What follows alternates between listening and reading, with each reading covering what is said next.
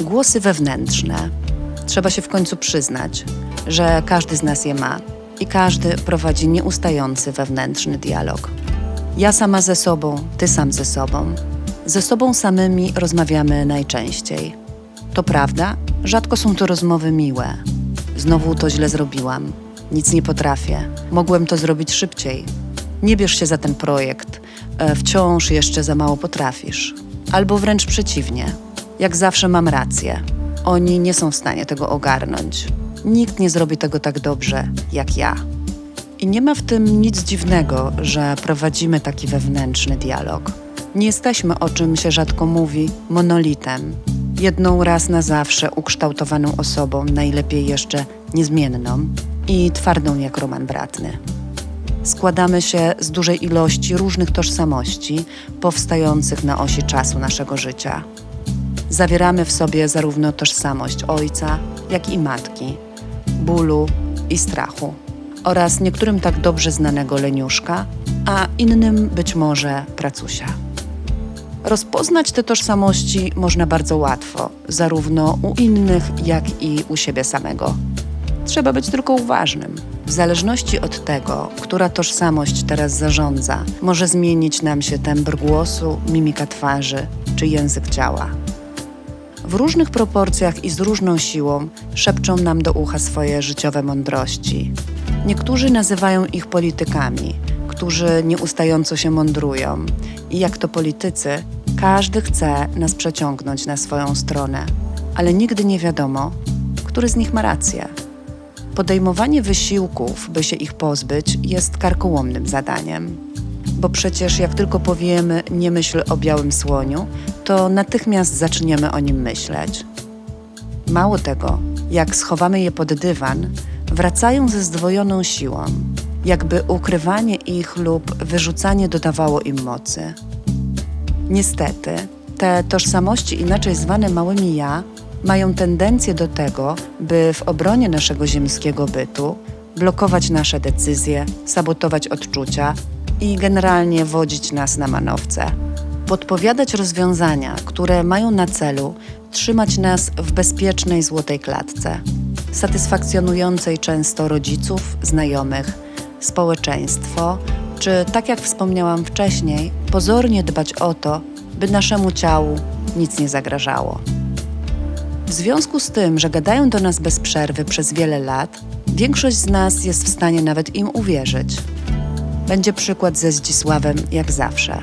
Spotykam więc Zdzisława na ulicy i pytam, co tam słychać. A Zdzisław odpowiada: No kurczę, jestem taki beznadziejny.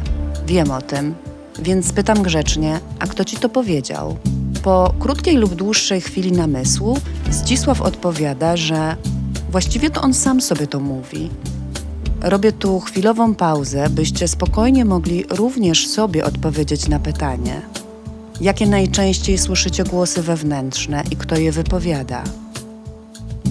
Czy jest jakiś sposób, by te dialogi wewnętrzne jakoś ogarnąć? Jest. Zajmuje się tym m.in. model transpersonalny. Zatem świetnie jest zacząć zauważać to, co się w tej głowie dzieje, słuchać tych wybitnych wypowiedzi z poziomu obserwatora i pamiętać o tym, że żadnej z tożsamości, która się wypowiada, nie chcemy się pozbyć ani wyeliminować. Każda powstała po coś i ma lub miała swoje zadanie do wypełnienia. Co zatem dalej? Jest taka metafora, która świetnie opisuje, co dalej. Wyobraźmy sobie, że w naszej głowie trwa próba orkiestry symfonicznej. Przychodzą na nią muzycy, rozkładają swoje instrumenty i grają. Ale przecież oni nie grają tego, co im się żywnie podoba. Mają grać dokładnie to, co pokazuje im dyrygent. I w tym momencie, w którym to pokazuje. Czasem może się tak zdarzyć, że któryś z muzyków fałszuje. Dyrygent wbrew pozorom nie wpada w szał i nie zwalnia całej orkiestry. Nie mówi do nich jesteście do dupy. Nie mówi nawet do tego, który fałszował zwalniam cię. Wręcz przeciwnie. Wie, że bez tego skrzypka nie zagramy wymaganego koncertu, więc tłumaczy mu, w którym miejscu fałszuje. Znajdują razem przyczynę tej fałszywej nuty i mówi do niego: Idź do domu, poćwicz, wracaj jutro i gramy dalej. Z naszymi tożsamościami jest dokładnie tak samo.